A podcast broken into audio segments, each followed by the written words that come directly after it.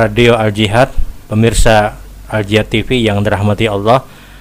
Kembali pada kesempatan hari ini insya Allah kita akan menjawab pertanyaan yang sudah dihadirkan. Assalamualaikum warahmatullahi wabarakatuh. Waalaikumsalam warahmatullahi wabarakatuh. Sehabis sholat kita membaca wirid tiba-tiba batal. Apakah berudu lagi atau tidak? Kalau kita berudu lagi, apakah kita meneruskan wirid lagi? Bolehkah kita duduk di lain tempat atau kembali ke sejadah?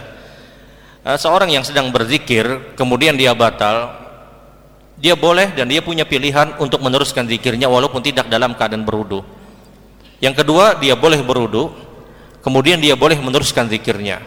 Masalah dia apakah dia duduk lagi di tempat dia atau dia berpindah tempat maka silakan kembali kepada apa yang nyaman menurut dia.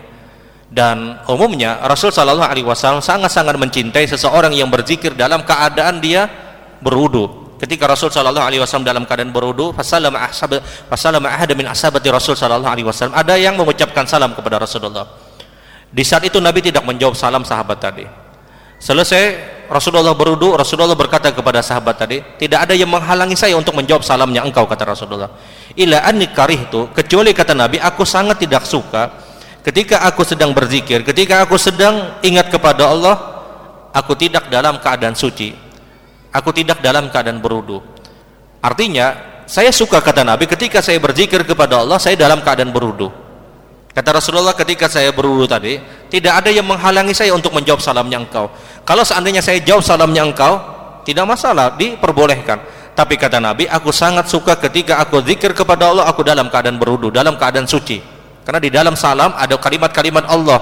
Sehingga Rasulullah tidak menyukai kata Nabi saya lebih menyukai ketika saya berzikir dalam keadaan berwudu. Orang yang mengambil air wudu lagi kemudian dia meneruskan zikirnya, jelas dia mendapatkan pahala yang lebih. Tapi kalau seandainya dia langsung meneruskan zikirnya sekalipun, maka ini tidak dipermasalahkan.